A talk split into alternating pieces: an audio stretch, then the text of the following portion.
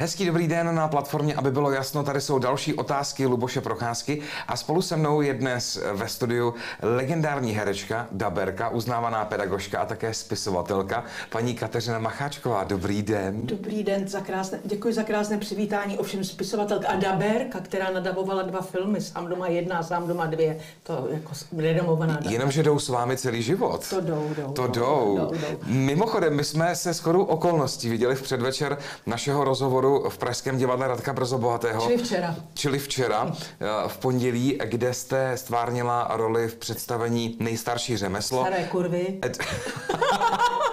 Edna. Mimochodem to představení režíroval váš syn, ano. Petr Svojtka. Vypráví o starších newyorských dámách, já to řeknu trošku kultivovaněji, vy jste to řekla sama, kterým to ještě jde, ale jejich sláva už nedosahuje mezi pány takových výšin. Máme páru, věc je jistá, něžné dámy krásou vítězí. A budem něžné dámy, dokud naše píseň, naše píseň, naše píseň zní. Baví vás komedie nebo spíše dramata, třeba například show Doktor Ruth v divadle Řeznické? Co, co je no, pro vás lepší? Já si myslím, že životní žánr je tragikomedie.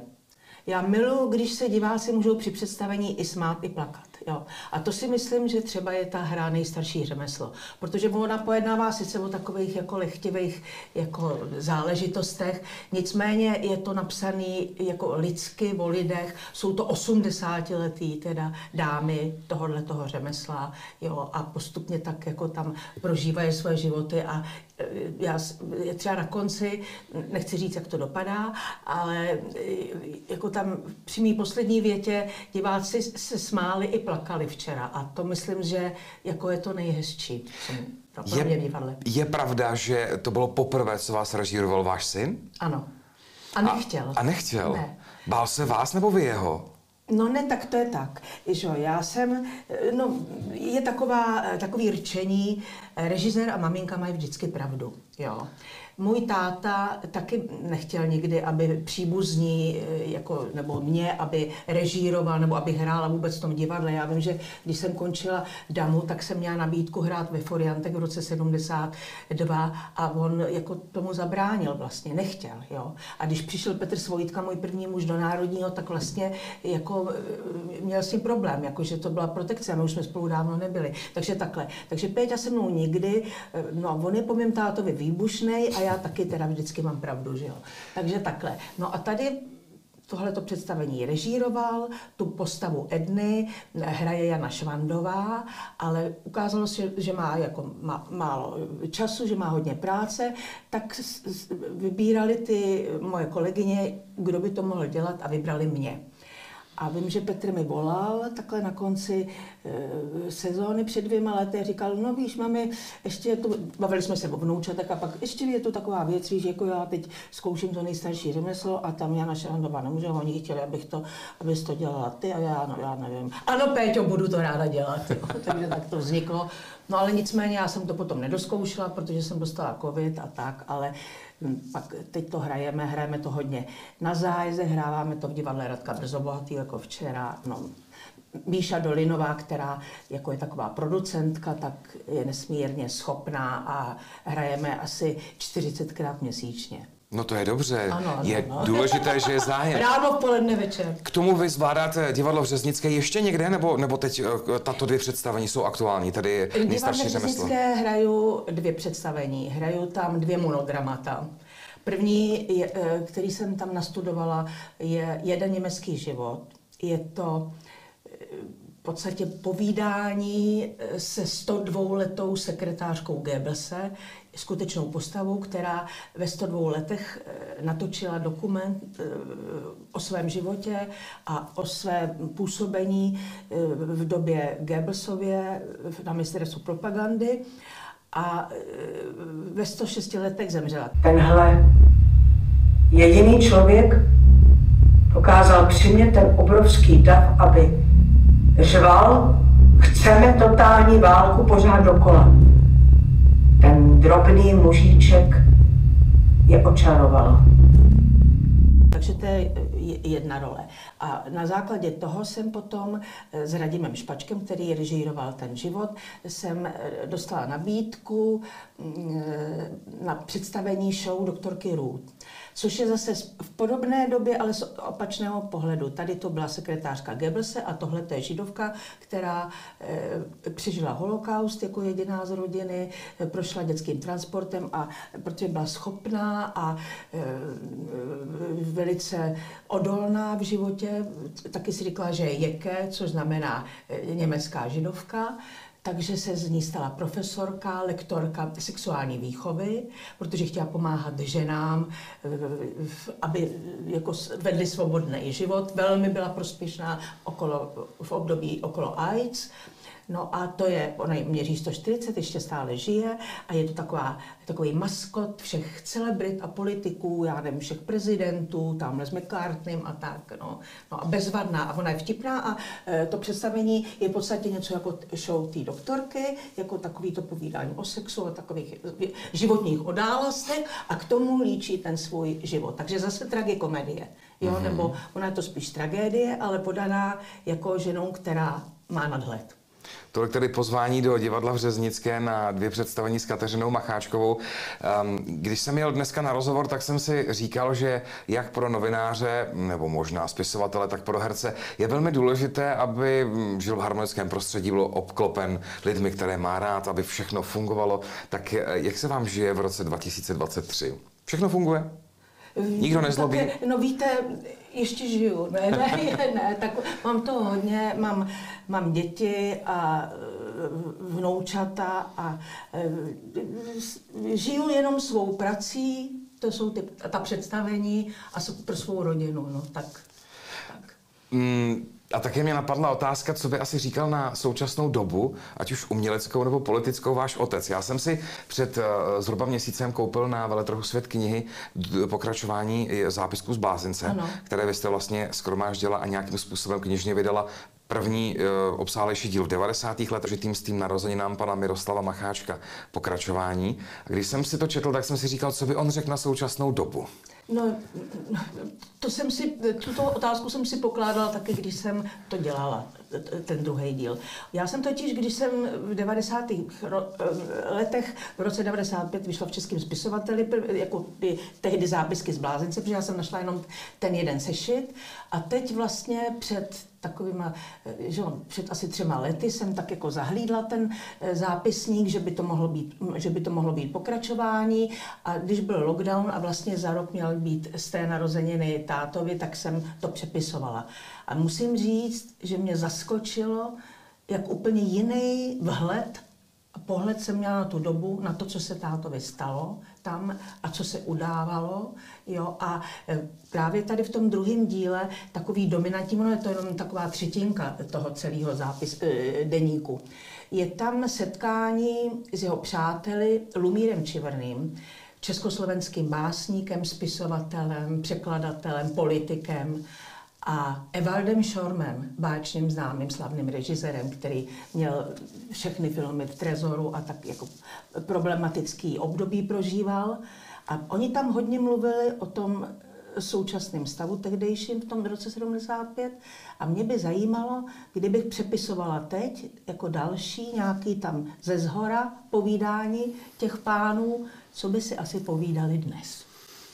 To proto, mne, uh, to, proto mne to téma napadlo, uh, protože samozřejmě uh, Česká republika má nějaký vývoj, máme 34, vlastně už 30, no 34 let po revoluci, máme po dvou volbách, máme nový parlament, máme nového prezidenta, tak připouštíte si informace z politiky nebo se držíte od nich stranou, aby právě ta umělecká duše mohla fungovat naplno a nebyla tím poškozována. Někdo říká, například Karel Gott tvrdil, že nečte negativní zprávy, protože jinak ho to ovlivňuje. Tak jak to máte vy?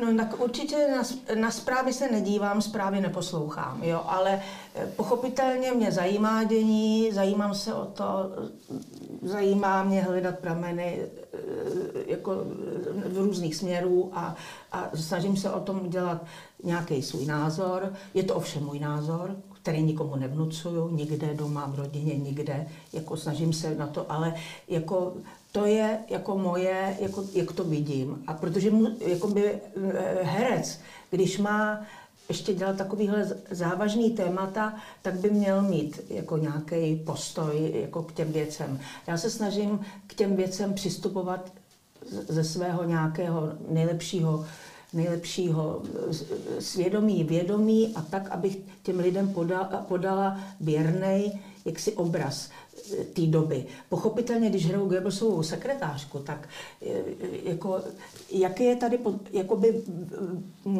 podíl její viny? Já myslím, že e, nelze pojímat kolektivní vinu. Jo, ale ona žila v nějakém tam, v nějakém okruhu uzavřeným, že jo, byla, já nevím, jako někde na výši a tak. Ona, podle mě, ty lidi to vytěsňovali. Teď taky spoustu lidí jako hodně věcí vytěsňuje. Jo, vytěsňovala to a pak vlastně jako přišel ten zlom. Ona spoustu věcí podle mě opravdu se dozvěděla až při tom norimberském procesu a tak, ale ona žila do 630 let jako úplně jako ve výšinách a pak byla, pak byla pět let ve vězení, a 50 let žila sama, opuštěná a já myslím, že jestli měla nějakou vinu, tak tohle byl dost dlouhý trest.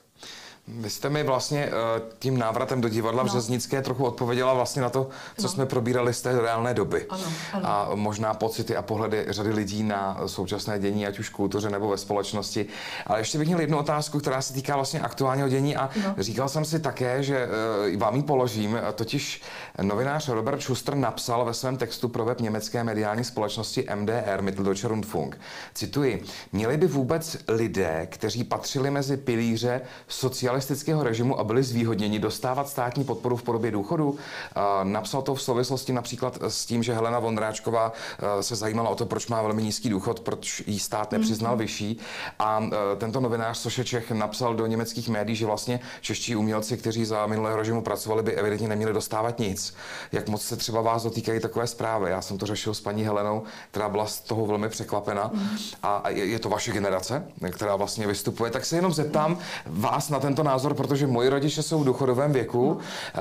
já jim sám finančně pomáhám a eh, když čtu takové zprávy, tak mi to samotnému nedělá dobře. No já nevím, tak eh, jako já vím, že někteří teda SS vysoký jaksi pohlaváři potom jako pracovali, já nevím, v OSN, v NATO a podobně, jo, tak já myslím, že se na to celosvětově nehledí. A vůbec si myslím, že ta doba byla tak teď se to lehko hodnotí. Lehko se to hodnotí v ústavu. A není to jako, urážející pro no člověka, je, který se věnuje mě, eh, kultuře, eh, divadlu nebo hudbě, nebo já to sám beru z pohledu člověka, kterému je 41 let mm. a neumím si představit, že až budu v důchodovém věku, mm. já, tak by některý z novinářů napsal, že by nedal důchod někomu, kdo spovídal prezidenty Zemana Klauze, například. Beru to na sebe tímto způsobem. No, ne, ne, tak to, to podle mě jako v žádném případě. A hlavně ta doba byla tak výlučná říkám, teď těm 30 letem, 35 letem se, se to hodnotí, jak se měli zachovat. Ale to bylo, to bylo v nějakém jako by sevření, vězení, ne všichni se zachovali, někteří se zachovali. A nikdo nevěděl, a jak to dlouho bude trvat. Nikdo ne, ne, nevěděl, jak z toho. Pak se lidi zachovali špatně, pak se zase jako se snažili z toho eh, jako nějakým způsobem vymlouvat, vylhávat, ale eh, ty věci byly v podstatě často jinak, než jak se to teď vykládá. Jo? Ale ty lidi průběžně za prvé Helena Vondráčková, Karel Gott a tak jako dávali jako nějaké naději. štěstí, naději, pocit radosti těm lidem. Přispívali do průběžného důchodového systému, že jo. jo tak to je těžký, jo.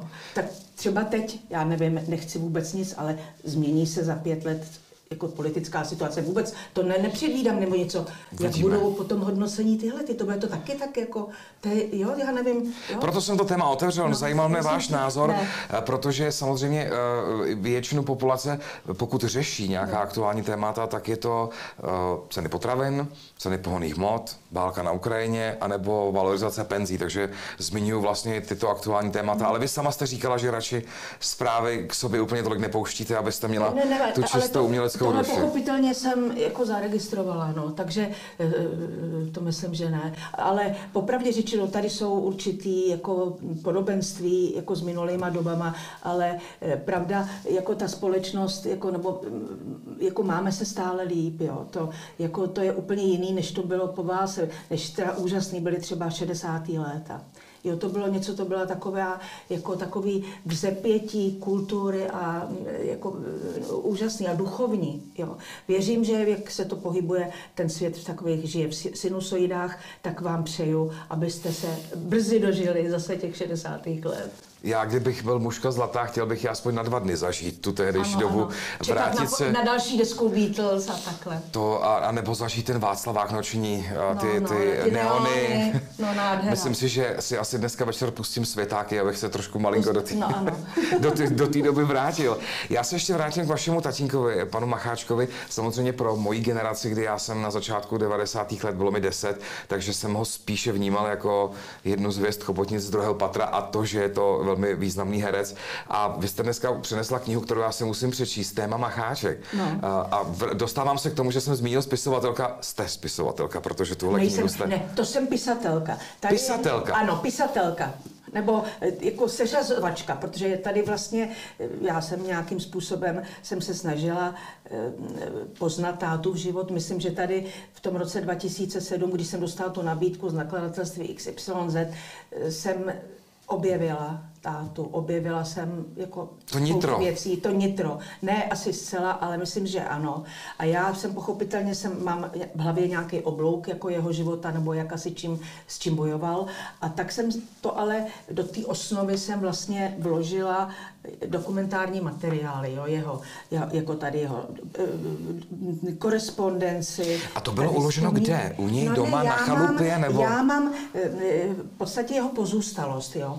A on byl tak, jako že si všecko zapisoval. Všecko si zapisoval v každých režijních knížkách, měl všecko dopodrobna, i co zrovna čet, tam většinou mýval výstřižky z Mladého světa, jo, a eh, všechno eh, si tak mapoval a některý třeba korespondenci, když jsem objevila, tak já se- jsem si říkala, to je přímo k vydání. On tam měl jako to chronologicky a tak měl třeba nejdřív žádost do, do Národního divadla, jako proč eh, dekorace se vyrábějí o dva roky dopředu, potom žádost mm, eh, pošt v, v, do Mažlicích, proč mu nedoručují dopis, potom na spoje, proč mu ještě tam nedali telefonní číslo a v zápětí zase, že mu jako nějaký host, že ho eh, urazil v- restauraci. Jo, a takhle je všecko. A to, kdyby se chronologicky to, a k tomu zase nějaký dopis do České televize, nebo Československé, že, že to bylo takový to podstatný s tím úplně banálním. Jo.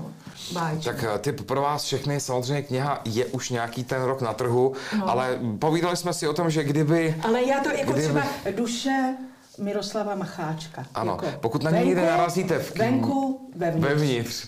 Kdybyste No. na ní narazili v knihovně nebo kdekoliv, určitě si ji tak myslím, že přečtěte. to je zajímavý a je to zajímavý čtení o té době. Jo, je to A já myslím, že o tátovi by se dalo psát možná pořád, kdybyste narážela na další věci.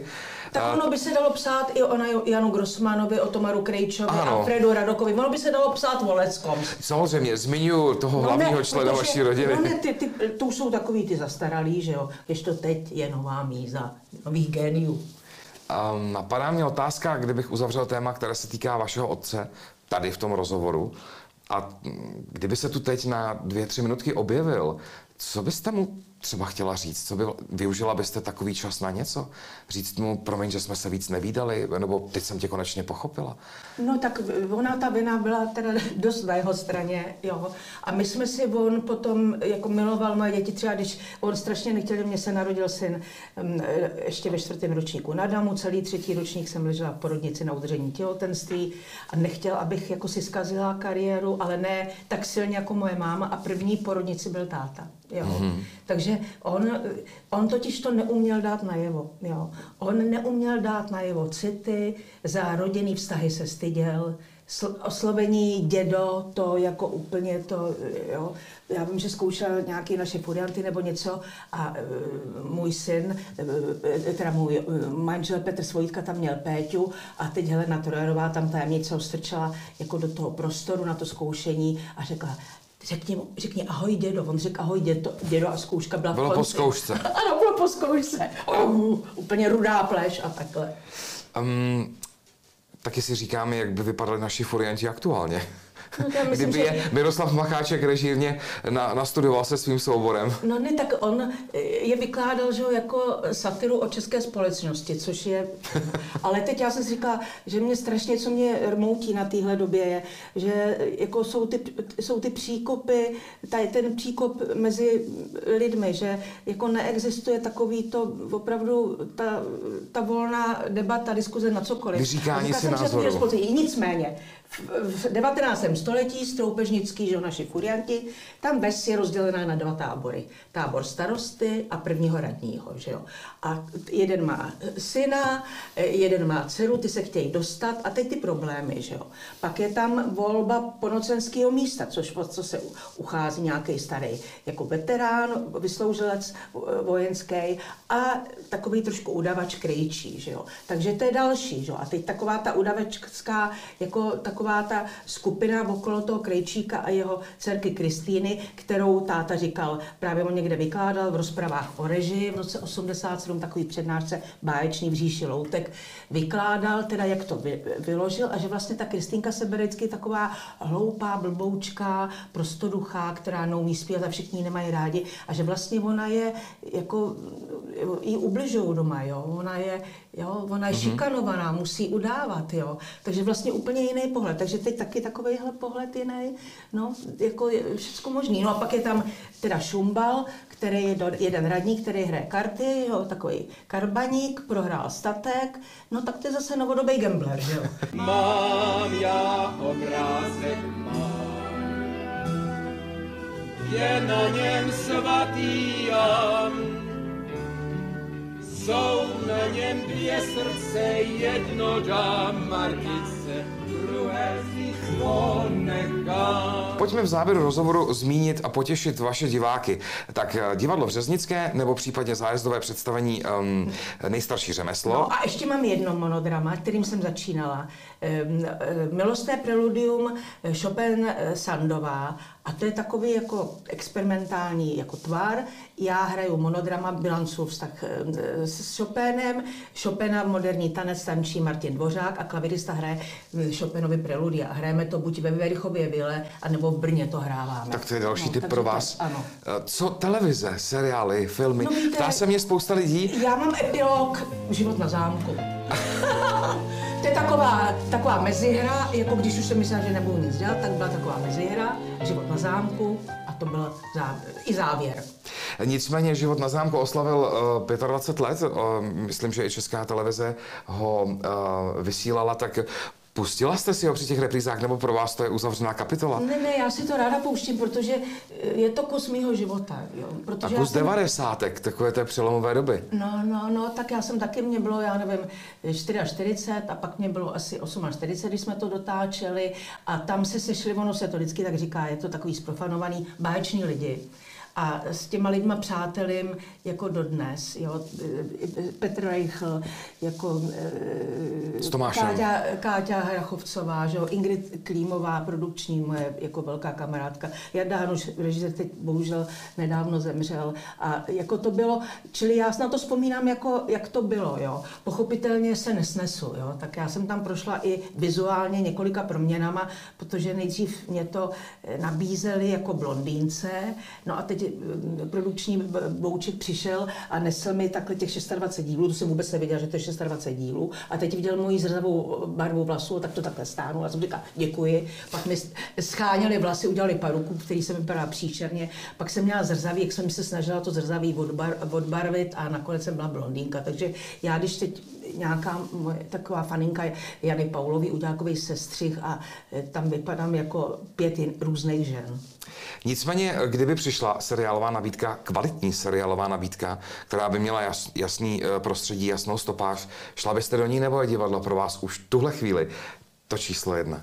Tak divadlo je pro mě moc. Já k tomu ještě učím na Pražské konzervatoři dvakrát. Kam za chvíli odjíždíte? Ano. Čili já toho mám strašně moc. Teď jde o to, jak bych to, eh, pochopitelně, kdyby to byla jako dobrá nabídka, nebo kdyby mě to zajímalo, tak, eh, tak bych se snažila s tím nějak i časově něco udělat, ale sil ubývá a no, tak člověk to musí šetřit. A to, že říkáte, že sil ubývá, tak tím rozhodně není důkazem tento rozhovor, kdy jste plná sil, plná vědomostí, eh, myšlenek, který eh, jsme mohli společně probrat, zaspomínat na tátu, eh, na neuvěřitelnou stovku, kterou by loni oslavil. A myslím si ale, že ten otec stejně pořád možná na vás ze zhora promluvá ve s ním a tak nějakým On způsobem. Radí. Že jo? Ne, já jsem s ním v stálem kontaktu. To lidi, kterým zemře někdo blízký, vědí, že ty, ty bytosti, ty duše jsou s ním pořád. A, a samozřejmě velmi mne mrzí, že jako novinář jsem ho nemohl zažít, byl jsem ještě malý, ale a, až si a, přečtu téma Macháček, a, tak a, si myslím, že už přijdu na a, kostru celého jeho života a uvědomím si, jak kvalitním umělcem byl, jak kvalitní dceru, umělecky založenou, nám tady nechal. Kateřina Macháčková byla mým eh, hostem v otázkách Luboše Procházky. Děkuji moc, užijte si léto. Vím, že vás čeká cesta do zahraničí, eh, Izrael a, a další toulky, tak no. se v pořádku vraťte, ať zase v podzimní divadelní sezóně můžete zářit na pražských či zájezdových prknech. Děkuji moc. Děkuji za krásný rozhovor, děkuji za pozvání.